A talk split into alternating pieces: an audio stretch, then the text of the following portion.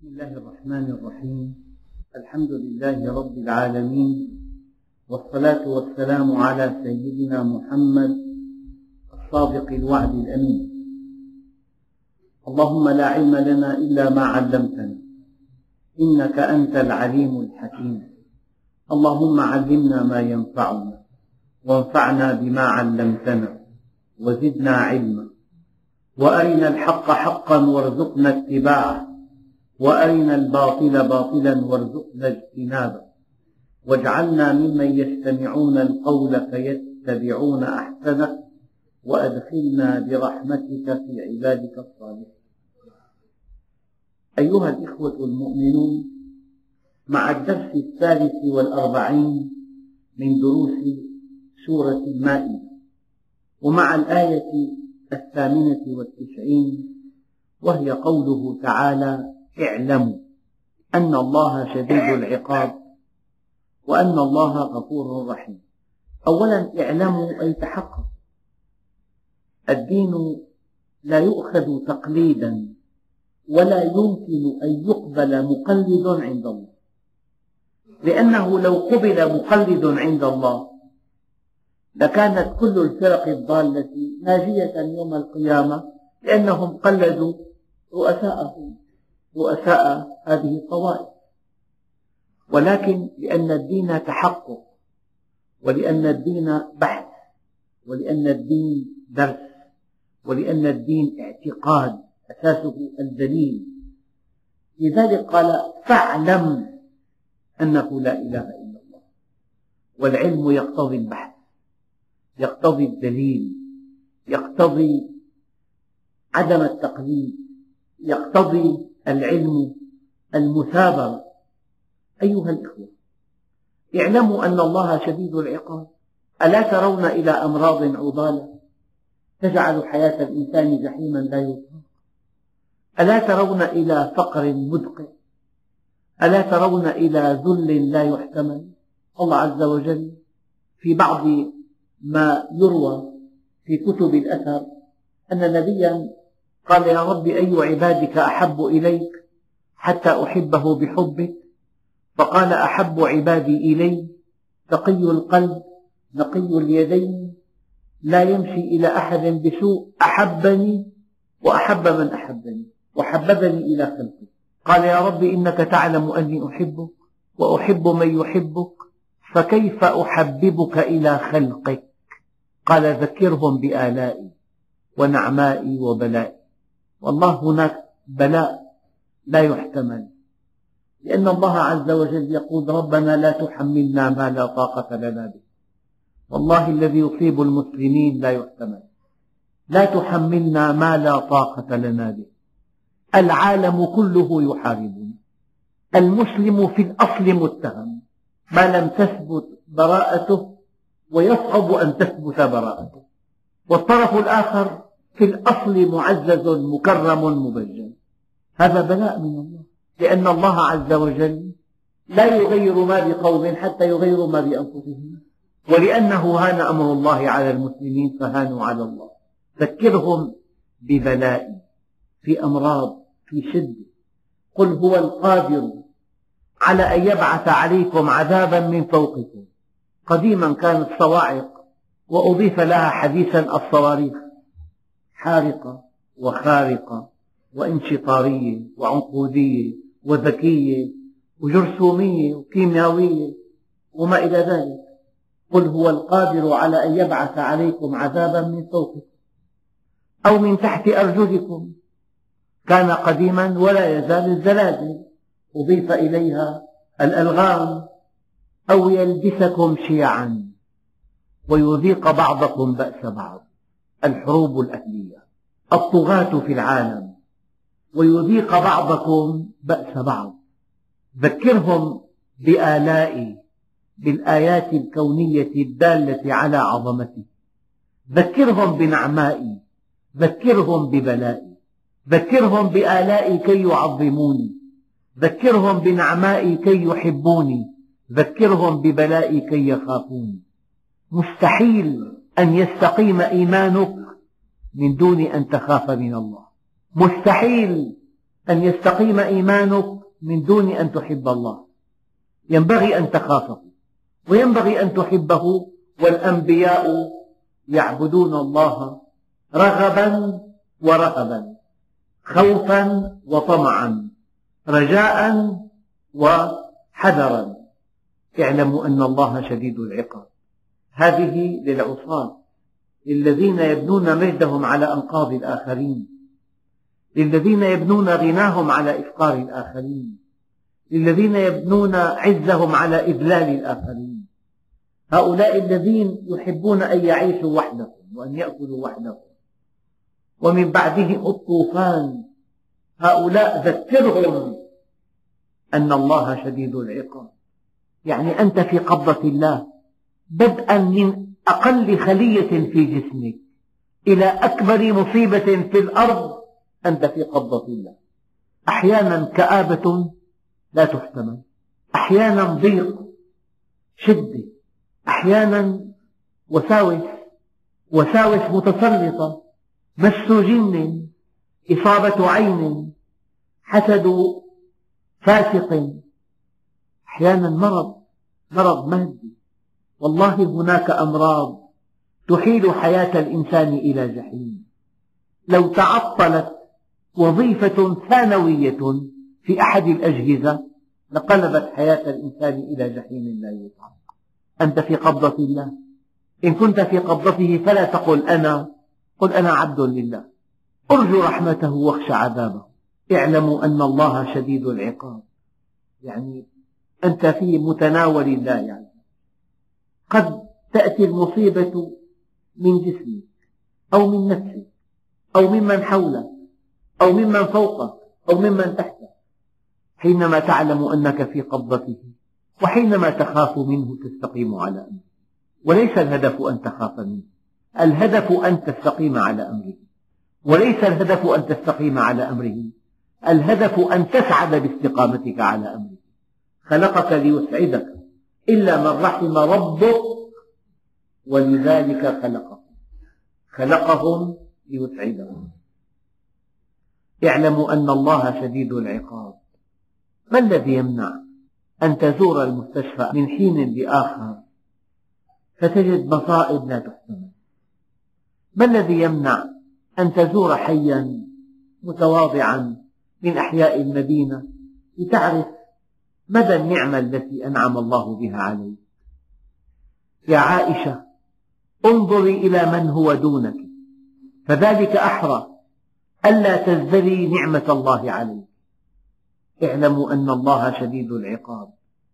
من أدعية النبي عليه الصلاة والسلام اللهم إني أعوذ بك من فجأة نقمتك وتحول عافيتك وجميع سخطك الخسرة بالدماغ تأتي بثانية واحدة. ثانية تعطل الكلام وشل طرف الإنسان. وأصبح عالة على من حوله. يتمنى أقرب الناس أن يموت ويسمعه ذلك. هكذا. اعلموا أن الله شديد العقاب. إخوتنا الكرام الذي لا يخاف الله إنسان لا يعرفه. إن بطش ربك لشديد. وقد ترون أحيانا ما يجري حولنا كيف أن إنسانا كان في أعلى درجات القوة. إذا هو يصبح في أدنى درجات الذل. إن بطش ربك لشديد. هذه عينة. إن الله لا يعاقب كل المسيئين في الأرض. يعاقب بعضهم ردعا للباقين. ولا يكرم كل المحسنين. يكرم بعضهم تشجيعا للباقين. وإنما توفون أجوركم يوم القيامة. أخواننا الكرام لا يعقل ولا يقبل أن يكون في الأرض قوي وضعيف وظالم ومظلوم وغني وفقير وصحيح ومريض وأن تنتهي الحياة هكذا. ولا شيء بعد الموت. أفحسبتم أنما خلقناكم عبثا وأنكم إلينا لا ترجعون؟ أيحسب الإنسان أن يترك سدى؟ بنى مجده على أنقاض الآخرين. هؤلاء الطغاة في العالم ماذا يفعلون؟ يموت بسبب عدوانهم ألوف مؤلفة بل ملايين مملين وهم ينعمون بعز الدنيا فيما يبدو. لكن الله سبحانه وتعالى إذا أخذ أدب إن بطش ربك لشديد. الله عز وجل يقول اعلموا أن الله شديد العقاب. والله أيها الإخوة هذا الدرس لا يحتمل قصص كثيرة. والله في قصص مما يجري حولنا وتحت سمعنا وبصرنا من عبر رائعة ما لا يصدق. إن بطش ربك لشديد. اعلموا أن الله شديد العقاب. لهؤلاء العصاة المنحرفين الضالين المضلين. يعني قصة واحدة. إنسان يضع مركبته في مكان لتستقر مست مركبة أخرى. كتب ورقة بهاتفه وعنوانه كي يتولى تصليح هذا العصب الذي أصاب المركبة الأخرى وهو من أهل العلم. ورعه يقتضي ذلك. بعد قليل جاء صاحب المركبة. أسمعه كلاما لا يستحقه السفل بقسوة ما بعدها قسوة. بتجبر ما بعده تجبر. بتطاول ما بعده تطاول. والقصة طويلة لكن هذا الذي تجاوز الحد وتطاول على إنسان من أهل الله. والرجل يعتذر ويقدم له أي مبلغ يغطي إصلاحها إصلاحا كاملا. أراد أن يتشفى منه. في اليوم التالي دعا أصدقاءه إلى طعام في مزرعة خارج دمشق. أحد أصدقائه لم يهتدي إلى المزرعة فاتصل به هاتفيا. قال له أنا آتيك أين أنت؟ قال له في المكان الفلاني. في طريقه إليه ضربته مركبة فشلته نصفين. عمره 33 سنة. الآن طريح الفراش إلى أن يموت. إن بطش ربك لشديد.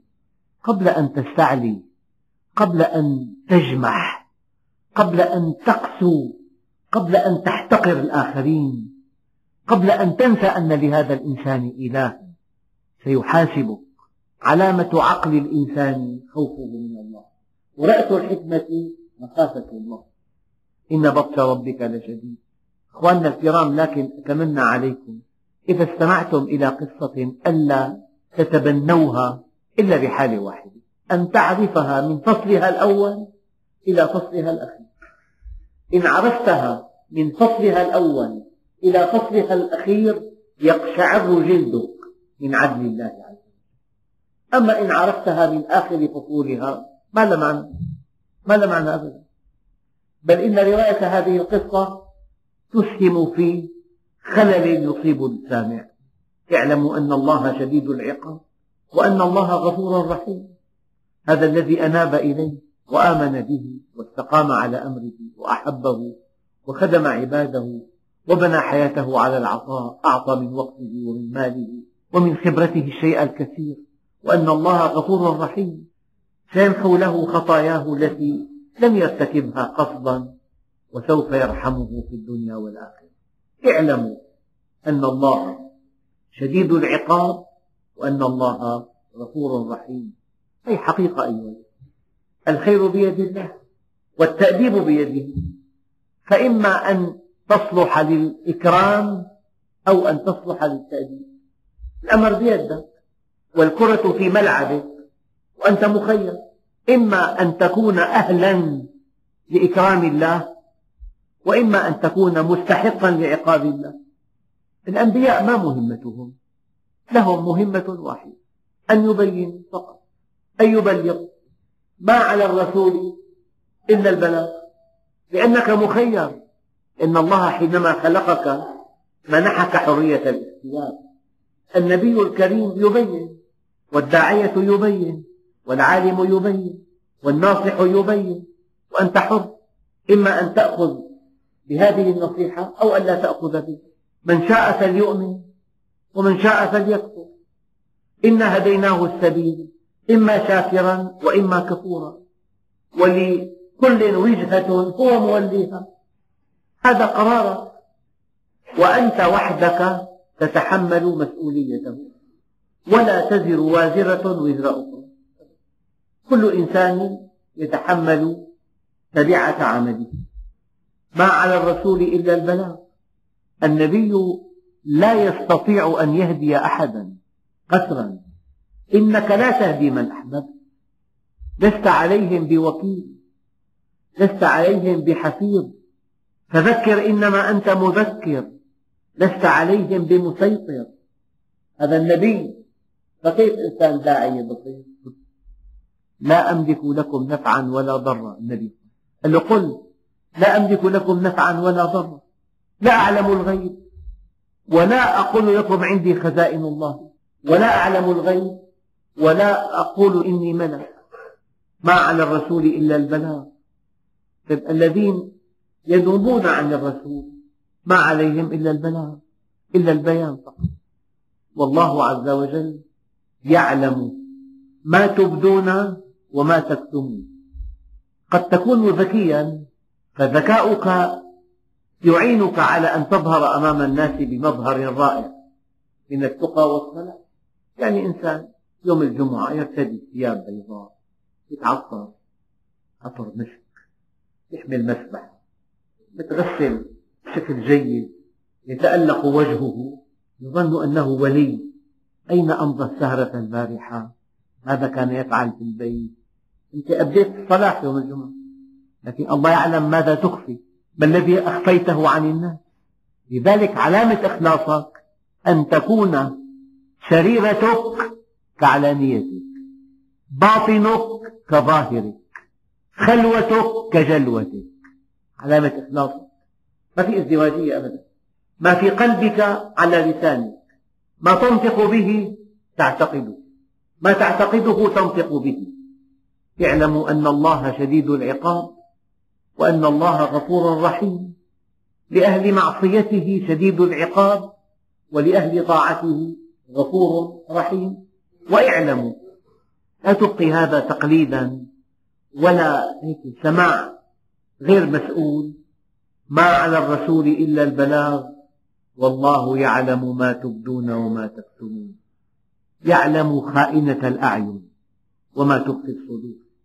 كلمة خائنة الأعين يعني لا يستطيع إنسان على وجه الأرض أن يضبطك في حالات كثيرة أن عينك تخون وتنظر إلى الحرام في آلاف الظروف لا يمكن لمخلوق أن يضبطك بخيانة العين. إلا الله. يعلم خائنة الأعين وما تخفي الصدور.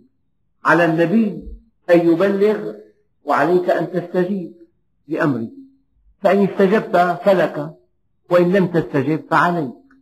ثم يقول الله عز وجل قل لا يستوي الخبيث والطيب ولو أعجبك كثرة الخبيث.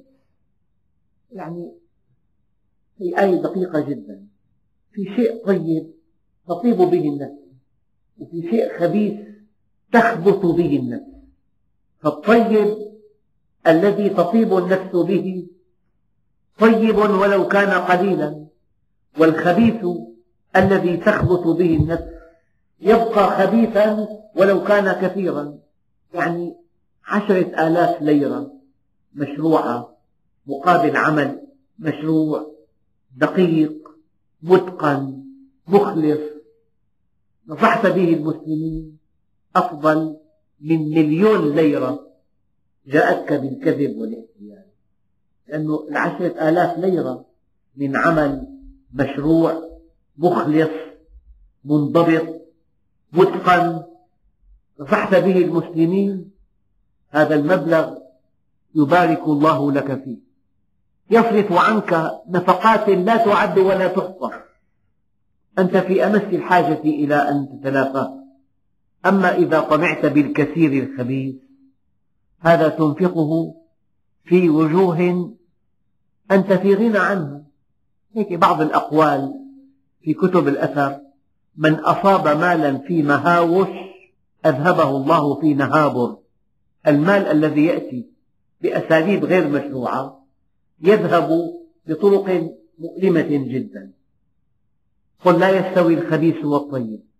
لا تستوي امرأة مؤمنة طاهرة عفيفة متحجبة تزوجتها وامرأة جميلة جدا بغية منحرفة فاسدة مفسدة على جمالها الأخاذ وتلك على جمالها المتواضع. هذه مؤمنة. في حكمة بالغة أنه أحيانا بيكون الخبيث كثير كثرة مطلقة يعني كثيرة الجمال أو كثيرة المال أو كثيرة الجاه. وأحيانا المؤمن قد يكون دخله محدود جدا وقد يكون شأنه محدود وقد يكون شكله ماشي الحال شكل متواضع. لكن البطولة في الدنيا أن تكون في المستوى الذي أرادك الله أن تكون. يعني كلمة الخبيث مال خبيث. مال من حرام يعني. زواج خبيث امرأة في دينها رقة. مثلا سفر خبيث في رفاه وفي فنادق وفي معاصي وآثام سفر متعب إلى العمرة والحج ازدحام وحر ونفقات باهظة. ومناظر ليست محببة يعني جبال سوداء وحر لا يحتمل فدائما كلمة خبيث وكلمة كثرة يعني شيء تخبط به النفس إذا فعلته. وقد يكون كثير كثير في تألقه كثير في كمه كثير في نوعه كثير في لذته. ولو أعجبك كثرة الخبيث. لذلك أيها الإخوة الإنسان في الدنيا قد يتمتع بعين باصرة وقد يتمتع ببصيرة. يعني مثلا لو دخلت إلى بيت بمقاييس العصر أربعمائة متر في أرقى أحياء المدينة له إطلالة رائعة شرفات واسعة فيه كل الأجهزة الإلكترونية والكهربائية تكييف على تبريد على تدفئة على أجهزة المطبخ على أجهزة الصالون لكنه اشتري بمال جاء من بيع المخدرات مثلا وبيت غرفتان متواضعتان في حي متواضع. الفرق بين البيتين لا يقدر بثمن هذا البيت مشروع صاحبه مؤمن. يعني مطعم خمس نجوم غلته اليومية مليون ليرة. ومطعم بسيط غلته اليومية ثلاثة آلاف. المطعم الفخم يقدم خمس. خبيث. والغلة كثيرة جدا. كلمات لطيفة خبيث وكثير. كثير في نوعيته. في صالة للقمار مكلفة 30 مليون دولار. وقد تجد مدرسة أو جامعة متواضعة جدا. تتخرج أطباء ومهندسين. البناء متواضع. يعني قد يقدم للأمة قادة وأطباء وعلماء مثلا. الخبيث أحيانا بيكون كثير. كثير في نوعيته في كمه في متعته. وأحيانا الطيب قليل قد, يكون قليل في نوعيته وقليل في كميته. فيا أيها الإخوة آية دقيقة. قل لا يستوي الخبيث والطيب ولو أعجبك كثرة الخبيث. فاتقوا الله يا أولي الألباب لعلكم تفلحون. يعني اتقوا الله أن تتجهوا إلى الخبيث الكثير وآثروا عليه الطيب القليل. أيام وظيفة في التعليم فرض والتعليم صنعة الأنبياء. التعليم متعب. لكنك تربي النفوس أو محل تجاري بأفسق الأسواق. والنساء فيه شبه عرايا. من حيث المتعة هذا المحل أجمل من هذا العمل الشاق. مع طلاب متعبين مثلا. لكن التدريس مع طلاب والأخذ بيدهم إلى الله وغرس القيم الأخلاقية فيهم وتعريفهم بالله مع التعب والمشقة والدخل القليل أفضل ألف مرة من محل تجاري تنتهك فيه حرمات الله كل يوم ويكون فيه نوع من الزنا في كل دقيقة.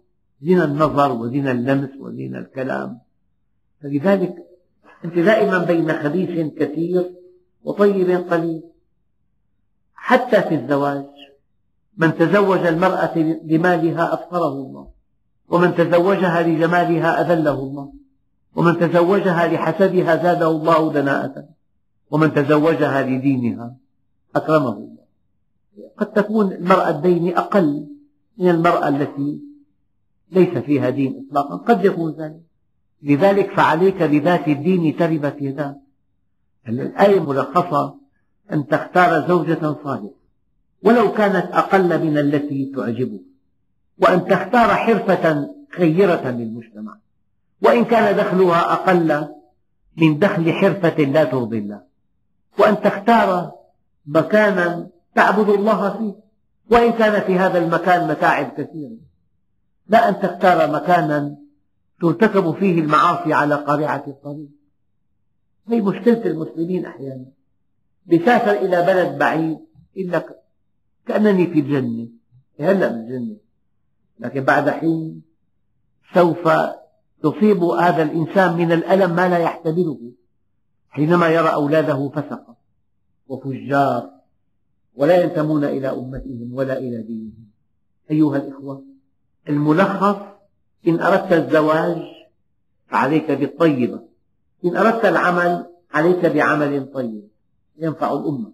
إن أردت السفر فعليك ببلد طيب.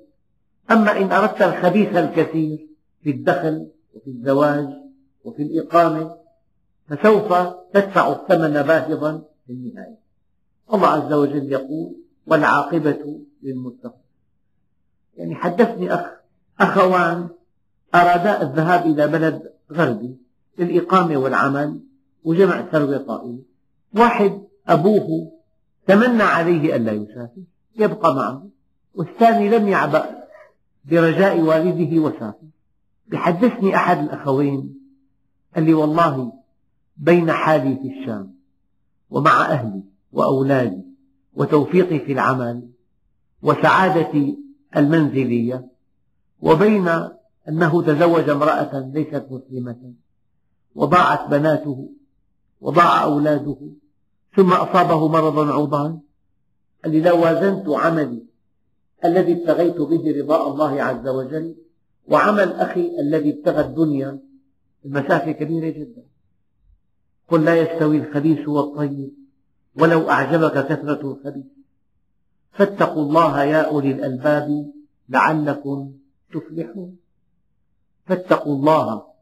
يا أولي الألباب لعلكم تفلحون. يعني يا أصحاب العقول وأرجحكم عقلا أشدكم لله حبا. أرجحكم عقلا من أراد الآخرة ومن أراد الآخرة وسعى لها سعيا. وهو مؤمن من عمل صالحا من ذكر أو أنثى وهو مؤمن فلنحيينه حياة طيبة. أيها الإخوة الكرام هذه الآية أصل في اختيارك كلما عرض عليك شيئين سفر أو إقامة زواج من هذه أم من تلك. هذه الوظيفة أو هذه الوظيفة هذا العمل أو هذا العمل. والله عز وجل يبتلي عباده دائما. يعني أنت بدخل لا يكفي يأتيك عرض وفير بشبهة كبيرة. إذا أيها الإخوة ينبغي ألا يغتر الإنسان بالخبيث ولا بكثرته ولو كان محببا. وينبغي أن يسعى للطيب ولو كان متعبا وقليلا. وبالمناسبة شاءت حكمة الله أن يكون الحلال صعبا والحرام سهلا. الحلال صعب والحرام سهل لأنه لو كان العكس لأقبل جميع الناس على الحلال لا حبا بالله ولا طمعا بالجنة ولكن لأنه سهل. الأوراق داخلت لكن العمل متعب. أما السرقة سهلة. تأخذ مبلغ كبير بلا جهد وقد تنجو أحيانا. الزواج صعب جدا أما الزنا سهل جدا. يعني الحرام محفوف بالمرغبات والتسهيلات. أما الحلال يحتاج إلى جهد كبير. وهذا من حكمة الله عز وجل. والحمد لله رب العالمين.